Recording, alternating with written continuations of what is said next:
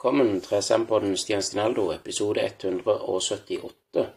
Før jeg skal lese, så skal jeg bare lese litt av det som står på baksida av denne boka.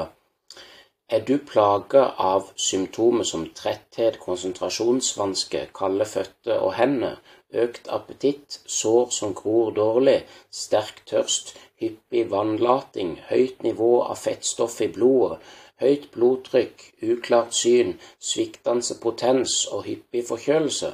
Hvis du har noen av disse symptomene, så kan det være tegn på at du er i ferd med å utvikle sukkersyke. Les mer kostkontroll, og du kan velge om du vil være frisk, slank eller syk overvektig. Hjertelig velkommen. Da setter vi i gang. Kapittel to Hva mennesket er skapt for å spise. Det foreligger intet fysiologisk behov for sukker. Alle menneskets ernæringsbehov kan dekkes fullt ut at vi må ta en eneste skje hvitt, brunt eller rått sukker, enten alene eller i enhver matvare eller drikk. Forsker lege John Judkin, 1910-1995. Ikke alle er klar over at mennesket kan leve uten enhver kilde til sukker, og derfor kan leve utmerka uten verken frukt, bær eller grønnsaker. Ikke desto mindre består kostholdet i de fleste samfunn av en stor andel sukker, og mange ser ut til å være avhengig av søtsaker. Det føles trang til mye søtt befinner seg enten i biokjemiske og hormonell ubalanse, som gjør at de ofte føler seg uvel, eller de er i ferd med å komme i en slik situasjon. Felles for mange av de er at de på kort sikt føler seg bedre hvis de inntar sukker eller søtsaker. Noen av disse sukkeravhengige lider f.eks. av reaktiv hypoglymi, dvs. Si at de opplever et raskt blodsukkerfall etter søte eller sukkerholdige måltider. Den amerikanske forskeren psykologen Alex G. Shouse kalte denne tilstanden for ernæringsindusert kronisk endokrinopati, dvs. Si en kronisk sykelig tilstand i kjertler forårsaka av feil ernæring. Han gjorde unntak fra fra enkelte andre årsaker, som kreftsvulster i bukspyttkjertelen, men feilernæring er en dominerende årsak til hypoglemi. Genetiske forhold spiller heller ingen viktig rolle. Reaktiv hypoglemi kan utløse alt fra hodepine til aggresjoner, angst, tretthet og depresjoner. Slike symptomer kan ofte mildnes til å innta noe søtt, og derfor har mange med hypoglemi vanskeligheter med å legge om til en optimalt kosthold. Konsekvensen av dårlige spisemønstre er gradvis dårligere helse. Imidlertid kan reaktiv hypoglemi ofte lett helbredes med å spise lav glykemisk, dvs. Si enten matvare med en lav glykemisk indeks eller et svært lite av høyglykemiske matvarer. Trangen til noe søtt kan ofte avhjelpes ved å være mer ute i dagslys. At man tar kosttilskudd, krom, kanel, sink osv. Og, og med å trene eller mosjonere mer. Hvis man vil redusere sukkerinntaket, er noe av det enkleste vi kan gjøre, er å spise mer i pakt med det våre forgjengere spiste. En tilpasning til det som kalles et steinalderkosthold, som det finnes mange varianter, vil gjøre at man føler seg mindre sug etter noe søtt, og samtidig vil ernæringsstatusen statusen gradvis bedres. Dette vil gjøre at man fysisk og mentalt kommer i en bedre balanse og veien til en god sirkel, hvor lysten på det som er mye søtere enn det som normalt finnes i naturen, gradvis forsvinner. Et steinalderkosthold består av kjøtt, fisk, fugl, skalldyr og egg og grønnsaker, frukt, nøtt og bær. Jegere og sankere som levde før mennesket gikk over til jordbruk i stor stil, fikk av og til honning, men spiste den uraffinert med voks og det hele. Våre forgjengere levde av slike uraffinerte matvarer helt fram til jordbruksrevolusjonen starta for ca. 10 000 år siden i Midtøsten. Deretter tok det flere tusen år før det kom korn ble dominerende del av kostholdet i de fleste land. I nordlige land som Finland, Sverige og Norge Island begynte man ikke å dyrke korn i særlig grad før ca. 4500 år siden. De fleste nordboere ernærte seg hovedsakelig av fisk, vilt, frukt, bær, grønnsaker, nøtter og sopp inntil langt opp i middelalderen, og poteten ble f.eks.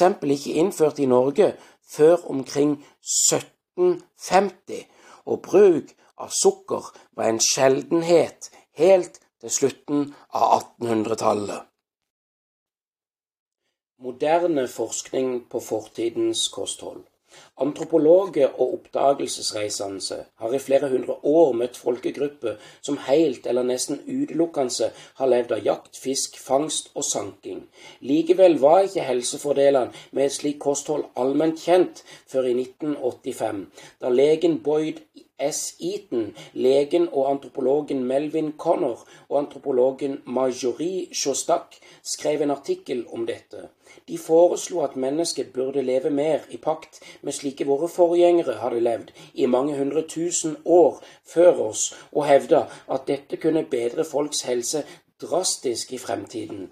For 20 000-30 000 år siden var mennesker mye mer fysisk aktive enn i dag, og de spiste bare ferske råvarer fra naturens spisskammers. Siden menneskets gener bl.a. er resultat av den maten våre forfedre har spist i flere millioner år, har dagens menneske omtrent samme gener som de menneskene Homo sapiens sapiens som levde for 30 000-40 000 år siden. Etter jordbruksrevolusjonen har mennesket endra kostholdet og livsstilen livsstilen drastisk, men vi er ikke blitt like raske genetisk tilpassa dagens miljø.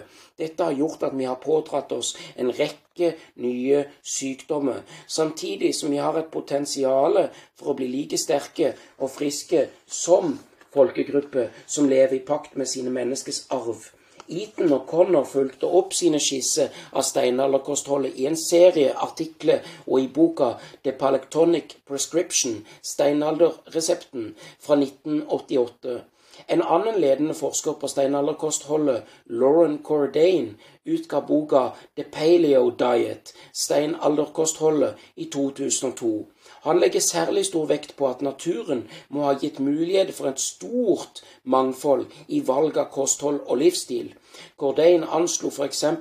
at steinalderkostholdets innhold av protein varierte fra 19 til 35% av matens energi, at karbohydrater ga 22 til 40% og fett 28 til 47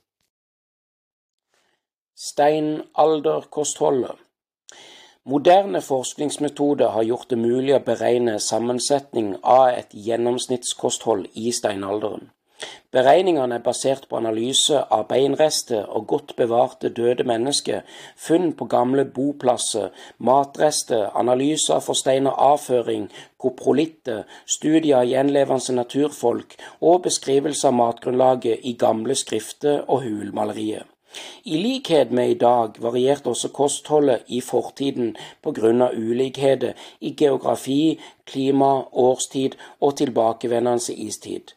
Generelt på ernæringsbehovet dekket av viltvoksende grønnsaker, viltkjøtt, fisk, skjell, skalldyr, egg, frukt, bær, insekter, nøtter, sopp.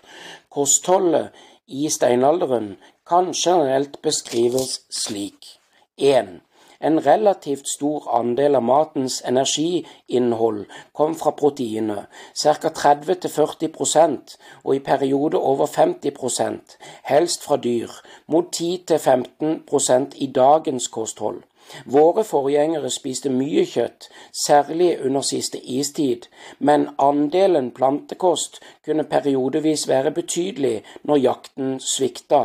Frukt og grønnsaker inneholder i gjennomsnitt bare 6-7% karbohydrater, og det må derfor ha vært vanskelig å innta mer enn 40 av energien fra karbohydrater i kosten, fordi volumet ellers ville blitt for stort. Et moderne kosthold gir mindre volum fordi korn inneholder 60-70% stivelse og sukker, farin, og gir 100% ren energi. Dessuten trenger vi mindre energi fordi vi beveger oss mindre. Nummer to Fettinnholdet i maten kunne være så lavt som 20-25% fordi viltkjøtt er magert sent på vinteren og tidlig på våren. Jegere og sankere foretrekker imidlertid innmat, hjerne, ryggmarg, fettansamlinger på buken, fordi dette gir mest energi i forhold til innsatsen. I perioder og enkelte steder utgjorde fett hele 75-85% av matens energi. Erfaringer fra inuitter og andre folkeslag som har lenge levd nær Arktis, tyder på at et fettrikt kosthold er helsebringende. Nummer tre. Steinalderfolk og inuitter spiste like mye eller mer fett, metta fett enn vi gjør i dag. Selv om kjøtt fra vilt og fisk inneholder noe mer umetta fettsyre enn kjøtt fra husdyr på kornbasert kraftfôr, Kostholdet inneholder mer omega-3-fettsyre enn i dag. For avl og dagens fôringspraksis har økt andelen omega-3-fettsyre, som bl.a. dagens billige planteolje domineres av. Forholdet mellom omega-6 og omega-3-fettsyre før jordbruksrevolusjonen er beregna på to til én eller lavere, men i dag inntar man gange 20 eller mer omega-6 enn omega-3-fettsyre i Norge, og Island spiser vi relativt mye fisk, og forholdet mellom disse fettsyrene er derfor mindre skjevt enn f.eks. i USA. En undersøkelse fant et forhold på 6 til 1 i Norge, hvilket også er høyere enn ideelt. Nummer fire. Kosten inneholdt minst like mye kolesterol som egg- og kjøttspisere inntar i dag. Selv magert kjøtt inneholder mye kolesterol, men i motsetning til hva mange tror, er ikke kolesterol i maten helseskadelig. Kroppen kan lage, kan lage ca. 2 gram kolesterol per dag, men lage mindre om vi inntar det fra maten. Nummer fem. Våre forgjengere inntok trolig ca. 60 gram løselig fibre per dag, mot ca. 18 gram i dag. Grønnsaker, frukt, bær, nøtter utgjorde de viktigste kildene. I dag får vi mer fiber fra korn, som inneholder langt mindre løselige fibre enn de nevnte, og derfor neppe har samme gunstige virkninger. Nummer seks. Steinaldermennesket likte honning, men dekka sjelden mer enn 1-2% av matens energi fra dagens fra denne kilden. Honningkuber var ofte vanskelig å få tak i, og når de omsider ble funnet, ble kubene spist hele med voks og det hele. Nummer syv. Viltvoksende planter inneholder mer vitamin og mineraler i forhold til energiinnholdet enn kultiverte planter. Steinaldermennesket fikk derfor i seg mer vitamin, mineraler, sporstoffer og livsviktige fettsyre og aminosyre per energienhet enn vi gjør i dag. Nummer åtte. Steinalderkostholdet var saltfattig. Planteinnholdet 10-20 ganger mer kalium enn natrium, og selv hjortekjøtt inneholder seks ganger mer kalium enn natrium. Med dagens ferdigmat er det omvendt. Pølse inneholder f.eks. ca. fem ganger mer natrium enn kalium, og i tillegg salter vi maten med flere gram per dag. Nummer ni. Kaliumsinntaket var høyere enn nå, selv om hovedkilden var plantekost og melkeprodukter ikke ble brukt. Grønnsaker, nøtter og frø er rike kilder til kalsium, magnesium og andre mineraler. Kumelk inneholder mye kalsium, men relativt lite magnesium.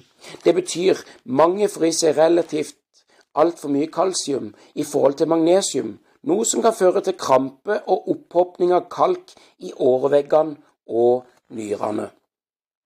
Dagens kosthold inneholder omtrent like mye fett som tidligere, men mye mer raffinerte karbohydrater, noe som er en dårlig kombinasjon. Mange av dagens ferdigvarer inneholder dessuten transfette, som betyr ved å varme opp planteolje og tilføre det hydrogen for å gjøre fettet mer i gåseøyne bakervennlig. Nordiske myndigheter har fått margin margarinindustrien til å fjerne innholdet av transfettsyre i margarinet fordi de antas å bidra til bl.a. hjerte- og karsykdommer og kreft, men bakervarer kan fortsatt inneholde mye transfettsyre.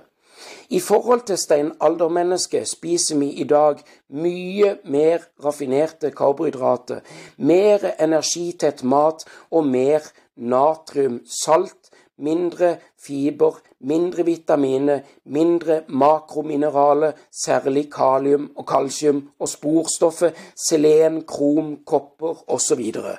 Mindre animalsk protein og mindre omega-3-fettsyre i forhold til omega-6-fettsyre.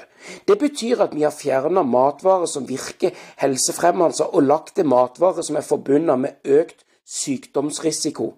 Det burde derfor ikke komme som en overraskelse at mange rammes av sykdommer som, som historisk sett har vært uhyre sjeldne. Steinalderkostholdet i praksis. Ta en titt i matskapet ditt, og legg alle produkter som inneholder sukker, hvitt mel og andre raffinerte karbohydratkilder i komposten. Forestill deg at matskapet så ut for 10 000 år siden, og legg en slagplan for hvordan du gradvis kan øke andelen av matvarer med dette innholdet. Her er noen forslag til en prioriteringsliste. Kutt først ut cola og søtbrus.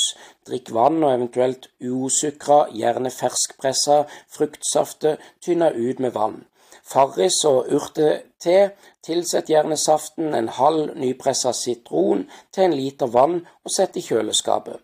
Erstatt dernest sukker med naturlige sukkererstatninger.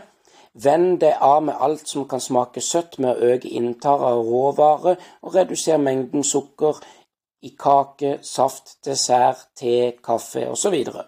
Hvis du spiser brød, kan du skjære stadig tynnere skiver har gradvis mer smør, fett og proteinrikt pålegg, fisk, kjøtt, fugl, og gå etter hvert over til tynne skiver surdeigsbrød, bakt med rug, spelt, flatbrød og lignende. Til slutt bruker du mest grønnsaker som underlag for pålegget, agurkskiver skåret til langs, paprika, zucchini og lignende. Kutt ut de siste restene av brødet. Bruk rikelig med smør, jomfruolivenolje, kokosfett, smult og andre sunne fettkilder. Spis bløtkokte egg til frokost eller rå egg i blanding med frukt eller bær og nøtter. Tilsett olje, kokosfett eller kremfløte. Bruk gjerne eggerøre eller omelett eller stekte egg. Venn deg til å spise bløtkokte egg uten salt. Spis salat med kylling, kjøtt, reker, tunfisk eller andre proteinkilder til lunsj. Spis frukt og bær uten sukker, og gjerne iblant rømme eller piska krem. Hvis bærene er for sure for din smak, sett til litt xylitol eller erytritol. Bruk fersk frukt og bær til dessert i stedet for iskrem og kaker. Ja, før jeg fortsetter litt til før vi tar uh, avslutter for i dag, tenker jeg jeg ville lese et uh, fantastisk uh, sitat av en professor som heter Emeritius Ingvar Wilhelmsen. Og jeg syns det passer bra inn i det vi snakker om her nå. Problemet med å lytte til kroppens signaler er at man hører så utrolig mye, og det meste er uten noen som helst betydning. Professor Emeter Emeritius Ingvar Wilhelmsen. Dårlig tilpassa korn. Mange tenker kanskje at siden mennesker har dyrka korn i flere tusen år, må vi være tilpassa både pizza og loff. Evolusjonsforskning tilsier imidlertid at genetiske endringer hos enkeltindividet tar lang tid før det gjenspeiles i hele befolkninga. Jordbruksrevolusjonen ligger bare 10 000 år tilbake i tid, og dette representerer bare 400 menneskegenerasjoner, gitt en generasjonstid på 25 år. I Norden har vi bare spist korn halvparten så lenge.